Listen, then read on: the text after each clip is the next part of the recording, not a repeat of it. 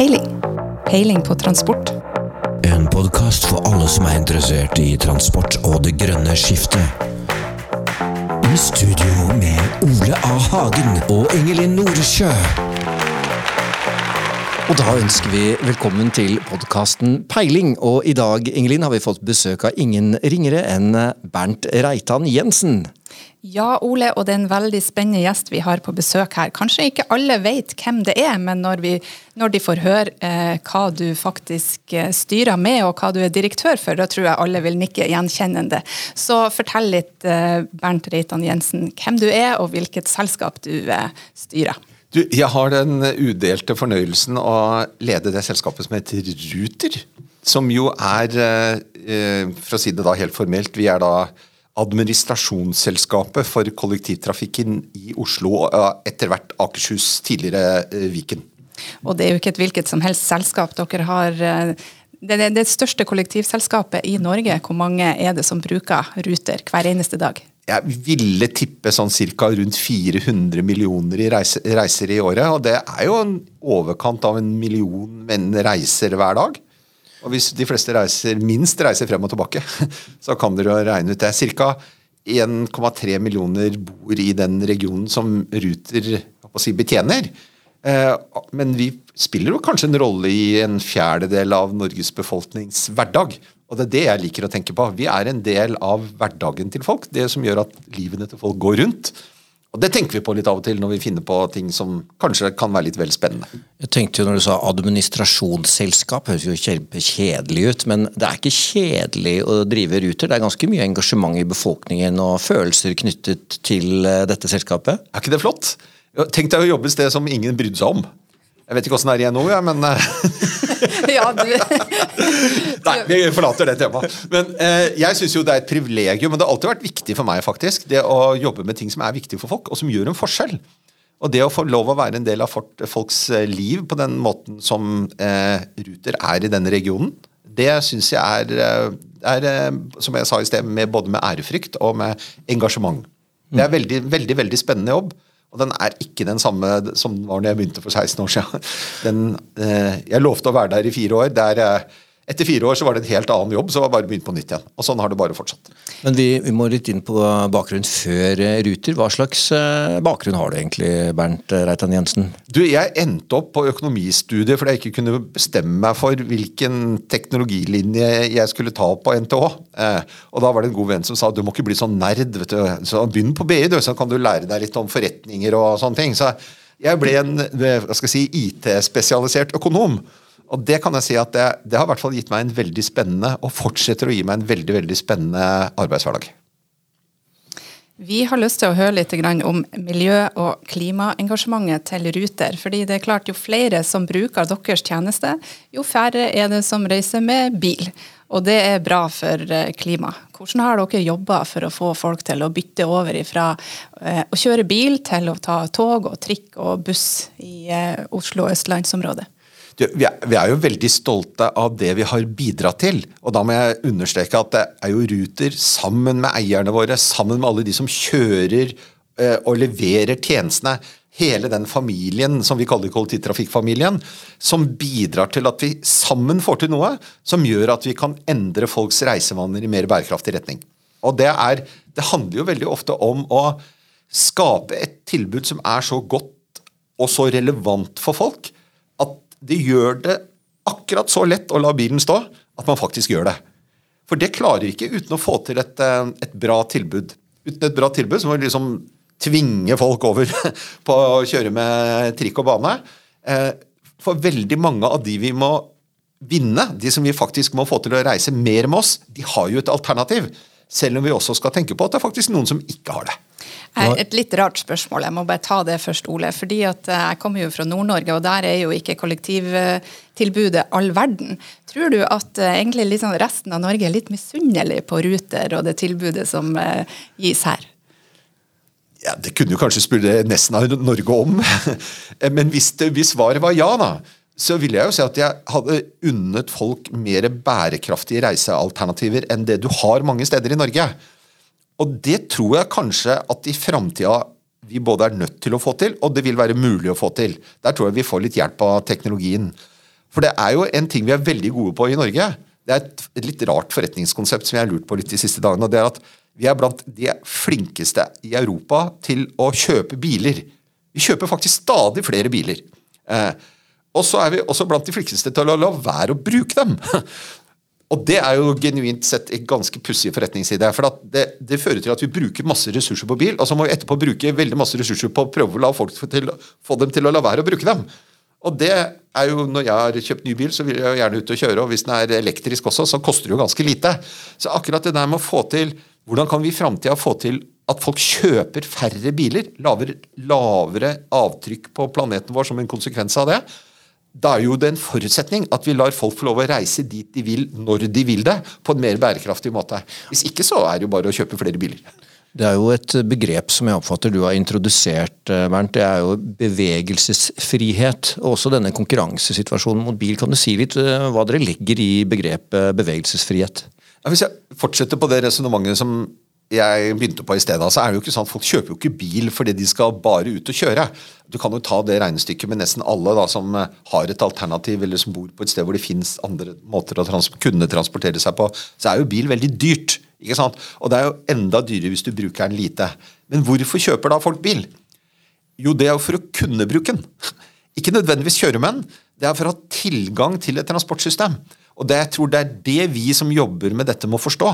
At det handler ikke bare om at bussen går så det får være godt nok. Det er det å ha opplevelsen å ha den friheten. At du kan bevege deg, at du kan flytte deg som du vil. Du kan leve livet ditt på den måten du ønsker deg.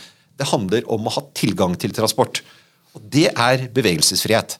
Og Hvis vi har forstått det, så har, skjønt, så har, vi kanskje skjønt hva vi må levere, hva vi må skape for å ha et godt alternativ til bil. Men det bildet av bilen, eh, er ikke det egentlig skapt litt sånn amerikansk 50-tallet? Er det sånn at millennials som vokser opp i dag, har den samme forståelsen av og behovet for å ha denne friheten? De tenker kanskje kan jeg ikke bare fly til London, eller fly til Bodø, eller fly der jeg ønsker? Og så er man egentlig mye mer frihet til å komme seg ganske langt av gårde. Jo, jeg, og, og nå tar jo jeg kanskje, når jeg ser over bordet her, litt sånn, sånn som oss. Ikke sant? Er, vi, vi, tror at verden dreier seg rundt det sånn som den har vært, sånn som vi har opplevd den. Og Da glemmer vi kanskje at de som kanskje er litt yngre enn oss, ser kanskje litt annerledes på dette. Det ble veldig mye kanskje nå, men vi vet jo at de gjør det. Og Da er det kanskje friheten fra å ha bil som er like viktig som friheten til å ha en. For det fører mye med seg. Det er kostnader, du skal ha et sted å sette den, den skal på service, den virker kanskje ikke når du skal ha den, og den har et stort klimaavtrykk. Og mange kjenner kanskje litt eh, på det også. Selv om de ikke kjører med den, så har det gått med mye ressurser bare for å lage den. Og jeg tror at vi får litt hjelp der. At noen tenker sånn. og Derfor så er noen mer nysgjerrige på andre løsninger til det å eie bil enn det kanskje vår generasjon er. Og det skal vi være veldig glad for. For det kommer vi til å trenge hvis vi skal klare dette skiftet. Vi må jo også spørre litt når det nærmer seg vinter, og uh, i det hele tatt når den første snøen kommer og bussene begynner å skli litt, og det blir forsinkelser på, på banen. Sånn. Hva er det som egentlig skjer når uh, været setter ruter litt ut av spill? Eh, den setter jo oss jo alle ut av spill. Og jeg vil jo si at regulariteten på T-banen er jo mye bedre enn å kjøre på ubrøyta veier inn. Altså sånn, eh, enkelte deler av dette er jo det folk prefererer. Vi får jo nye kunder under sånne situasjoner fordi vi faktisk klarer på deler av infrastrukturen en regularitet som er høyere enn det å stå bak en østeuropeisk trailer i en oppoverbakke som har dårlig dekk. Det kan være en norsk trailer også, for den saks skyld. Så, så akkurat det å at vi, er, vi, har en avhengighet av et helt trafikksystem. Det er jo både en sårbarhet, og det at vi kan klare oss med vårt eget trafikksystem, er også en mulighet. Vi må innom dette med klima. Altså, vi opplever jo at Ruter er i front når det gjelder elektriske busser. Man er jo egentlig snart nullutslipp, er man ikke det? Og vi nærmer oss nå i, i, Oslo. Vi har jo tatt hatt et mål siden 2016. Så begynte vi vel på å lage planene om å bli helt utslippsfrie på transportsida, altså på, i 2028. Og i Oslo så har jo dette gått mye fortere. Eh, den siste dieselbussen, med et par hederlige unntak, holdt jeg på å si, som jeg skal komme tilbake til, kjører jo ut av Oslo i år i, på slutten av året, i desember. Og så har vi én bro vi skal under, og én bro vi skal over, som ikke er i hvert fall ikke på kort sikt tilpassa de bussene som finnes nå, men det kommer til å løse seg. Og Da er vi altså fossilfrie og utslippsfrie, dvs. Si batterielektriske for alle praktiske formål allerede i år. 2023. I 2023. Og det tror jeg er jeg tror ikke det er noen andre byer i Europa, kanskje av en viss størrelse heller ikke verden, som slår oss der.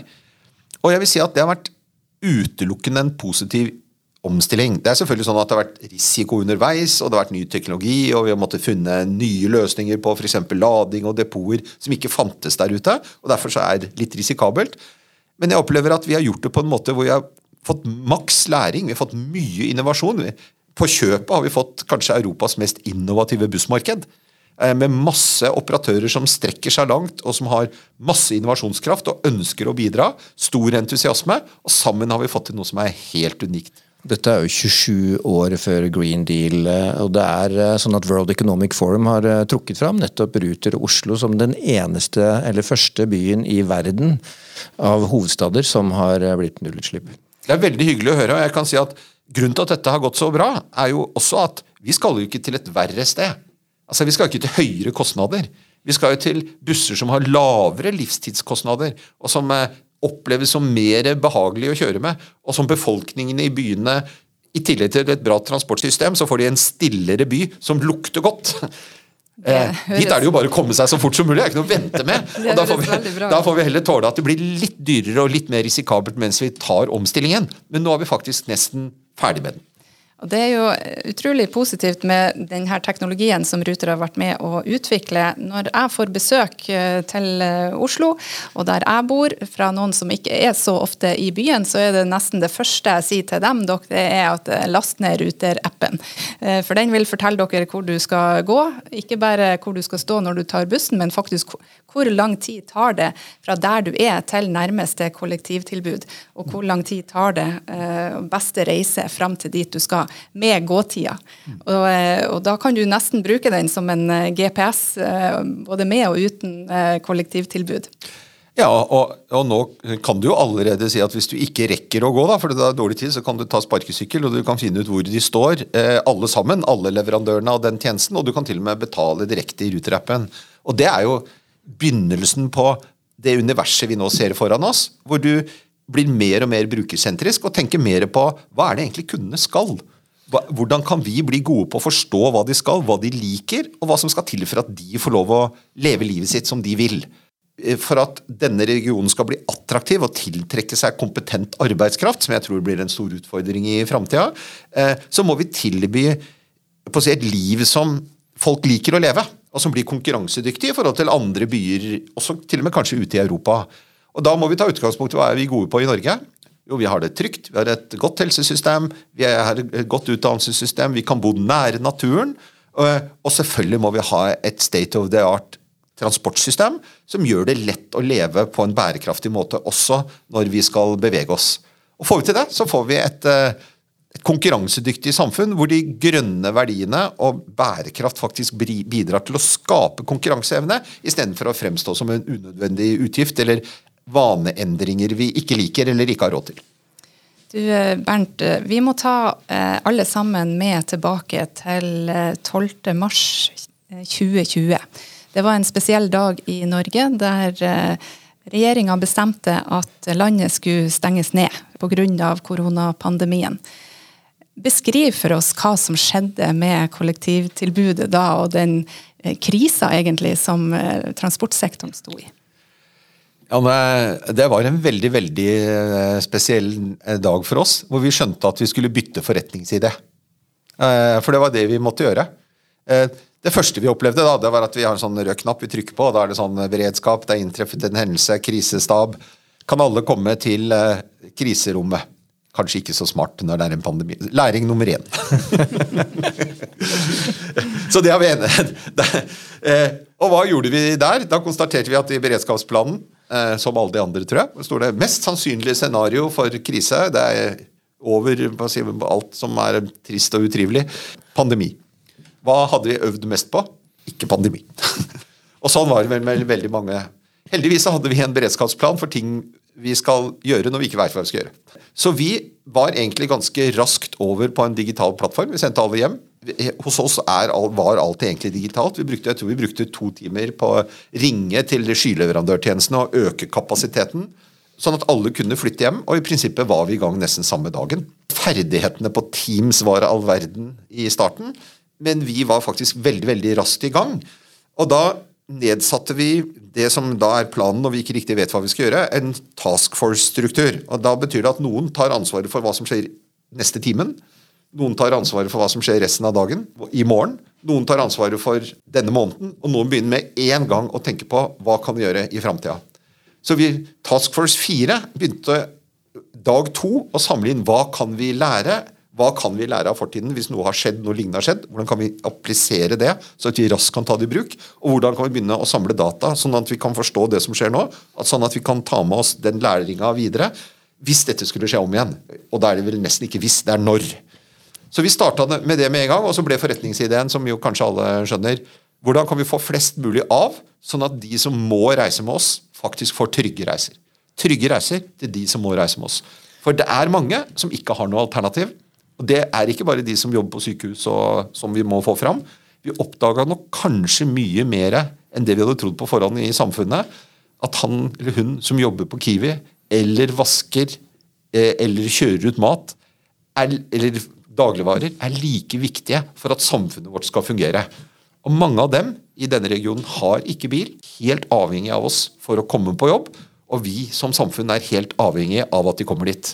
Det tror jeg var viktige lærepenger vi fikk den 12. mars og i dagene og ukene etterpå. Det kan jo være fristende Bernt, å tilby deg jobb et annet sted. for Vi har jo en Dovrebane som ikke fungerer, som påvirker både Nordlandsbanen og Raumabanen. Og dette med kriseledelse og faktisk eh, ha en eh, aksjonsplan, selv når det ikke finnes en plan B, men å sette ned en plan B ganske raskt, det er viktig. Men vi må jo inn på volumene. altså Når myndigheter og regjering sier at vi oppfordrer folk til ikke å reise kollektivt, så er det klart at uh, dette må jo ha hatt store effekter på trafikktallene og på inntektene. Hvordan, hvis du oppsummerer korona-pandemitiden, hvor, hvordan berørte dette Ruter? Du har vel omtrent samme følelsen for meg, tenker jeg, som en som driver dagligvareforretning og må stille seg i døra, og alle som prøver å gå inn, kaster man ut. Ikke sant? Det, er sånn, det er jo å snu helt rundt på det vi har eh, jobbet med. Men jeg tror vi raskt fikk på plass den aksepten at sånn måtte det være. Det som jo viste seg da å bli nødvendig, er at plutselig penga rant ut. For, for, hvis vi skulle levere denne tjenesten til samfunnet uh, uten billettinntekter, så måtte jo noen andre ta det økonomiske ansvaret for det. Så det kom noen dager hvor vi raskt måtte finne ut hvordan skal den driftsmodellen være. Og da vil jeg si at det norske samfunnet og den norske styringsmodellen og tilliten til den viser seg fra den aller beste side. For da gikk vi sammen og så prøvde vi å finne ut hvordan skal vi sette opp en sånn økonomimodell. Den måtte være tillitsbasert, for det fantes ikke ressurser til å utvikle noe som hadde alle mulige kontrollstrukturer. Vi må stole på hverandre. Og vi fant ut at jo, vi finner en modell hvor vi erstatter billettinntektene, og så bruker vi det som si, som styringsstruktur for å kunne fortsette å, å opprettholde driften i et kollektivsystem. Og det, det, klarte vi, og så gikk det sånn litt i rykk og napp. Og hvor lenge varer pengene? Det er ikke så gøy å sitte i styret hvor du lurer på om du Hvor lenge har du egenkapital til å vente på at uh, Stortinget skal bestemme, f.eks. Så da var det litt sånn strekk i laget. Men jeg syns jo vi på tvers av alle sektorer og strukturer i hele samferdselsbransjen, fra arbeidsgiver til arbeidstagerorganisasjoner, jobba tett sammen med å finne gode løsninger. Og jeg håper vi tar med oss det videre. Jeg kan jo si at jeg sjøl satt i Samferdselsdepartementet som eh, statssekretær akkurat under denne tida. Det var en veldig spesiell tid. Vi måtte ha god dialog med fylkeskommunene som er eierne av kollektivselskapene, og det ble kompensert for de manglende billettinntektene. Men det er klart at det var en usikker tid, det var det for alle, og mye var basert på tillit. Og det å ta det med seg som læring for eh, fredstid, som du sier, det tror jeg vi alle kan eh, ta med oss. Kan jeg bare si en ting? Vi kan være veldig stolte av dette alle sammen, ikke minst når jeg sitter her på NHO nå, og med representanter fra de som satt og bestemte òg, eh, siden det var jobben din den gangen. Dette har tatt oss til et annet sted de aller fleste land og byer i Europa. Kanskje i hele verden. Vi, vi, er bedre posisjonert. Vi har klart å få tilbake mer av passasjerene. Og vi har beholdt tilliten til kollektivtrafikken og til trafikksystemet. Det er et helt annet bilde andre steder i verden. Eh, så det at vi klarte å jobbe på den måten, har gitt oss et helt unikt utgangspunkt for veien videre nå. Men Vi må jo litt innom veien videre òg. Jeg ser jo eh, at eh, Ruter har jo en, en, som du sier, en solid posisjon. Kan du si litt om hvordan du tenker om, om, fremtiden til Ruter? altså Hvordan man kan videreutvikle det man har? For Dere har jo en formidabel kapabilitet innen ganske mange ting, bl.a. innen IT. Vi står jo midt oppe i en disrupsjon.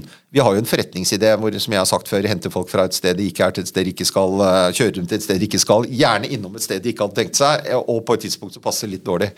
Så jeg tror at vi er nødt til å ta utgangspunkt i hva kundene egentlig skal, og vi må være i stand til å gjøre tjenesten vår mer variabel, dvs. Si slutte, å kjøre, slutte å kjøre tomt. Eh, og Det betyr at vi må bruke de dataene vi har om kundene, til å kjøre mer når de mener og har ønsker om at vi skal kjøre, og, og bruke dataene til å lage strukturer som gjør at vi kjører mindre når det ikke er noen der. Og Det er i grunnen en helt annen teknologi enn tidtabell og holdeplass, som jo egentlig er grunnstammen i det vi holder på med i dag. Bestillingsbaserte tjenester, etter hvert også autonome tjenester. Det kommer. Det er egentlig et spørsmål om tid. Om det tar to år eller fem år eller ti år, er ikke så farlig. Det er allikevel kortere enn en gjennomsnittlig busskontrakt. Så dette, dette kommer til å gå fort når det kommer, og det får stor betydning. Og det kan brukes til å skape mer bærekraft, og ikke flere biler og større problemer. Nå har vi snakka ganske seriøse og dype og alvorlige ting om teknologi og i det hele tatt. Eh, du er veldig flink til å både forklare og legge fram. Men vi må jo ta på oss litt den her eh, useriøse eh, biten òg, da. Jeg hører rykter, Bernt, om at du egentlig kommer fra Trøndelag. Og nå vil jeg utfordre deg litt, fordi at du skal få lov til å fortelle om din aller verste transportopplevelse på trøndersk. Lykke til. Ja, Trøndersk tror jeg går fint, ja, men uh, verste transportopplevelse Nå vet jeg hva jeg skal se for noe. Uh, vi har et program som heter Mind the Gap i Ruter, der vi har med oss funkiscoacher, hvor vi tar med oss folk som har funksjonshemminger, ut i kollektivtrafikken. Og så ser vi hvordan det vi gjør, faktisk skaper, eller ofte da ikke skaper løsninger som de kan bruke. Og Da vi, da var vi med noen av mine internasjonale kollegaer, og så var vi ute og kjørte med buss for trikk. Og da hadde vi overhodet ikke tenkt på at vi tok med de folkene i rullestol til en plass hvor de ikke kom seg videre. Tenk å sette dem av på en plass hvor det ikke fins noen mulighet til å komme seg videre.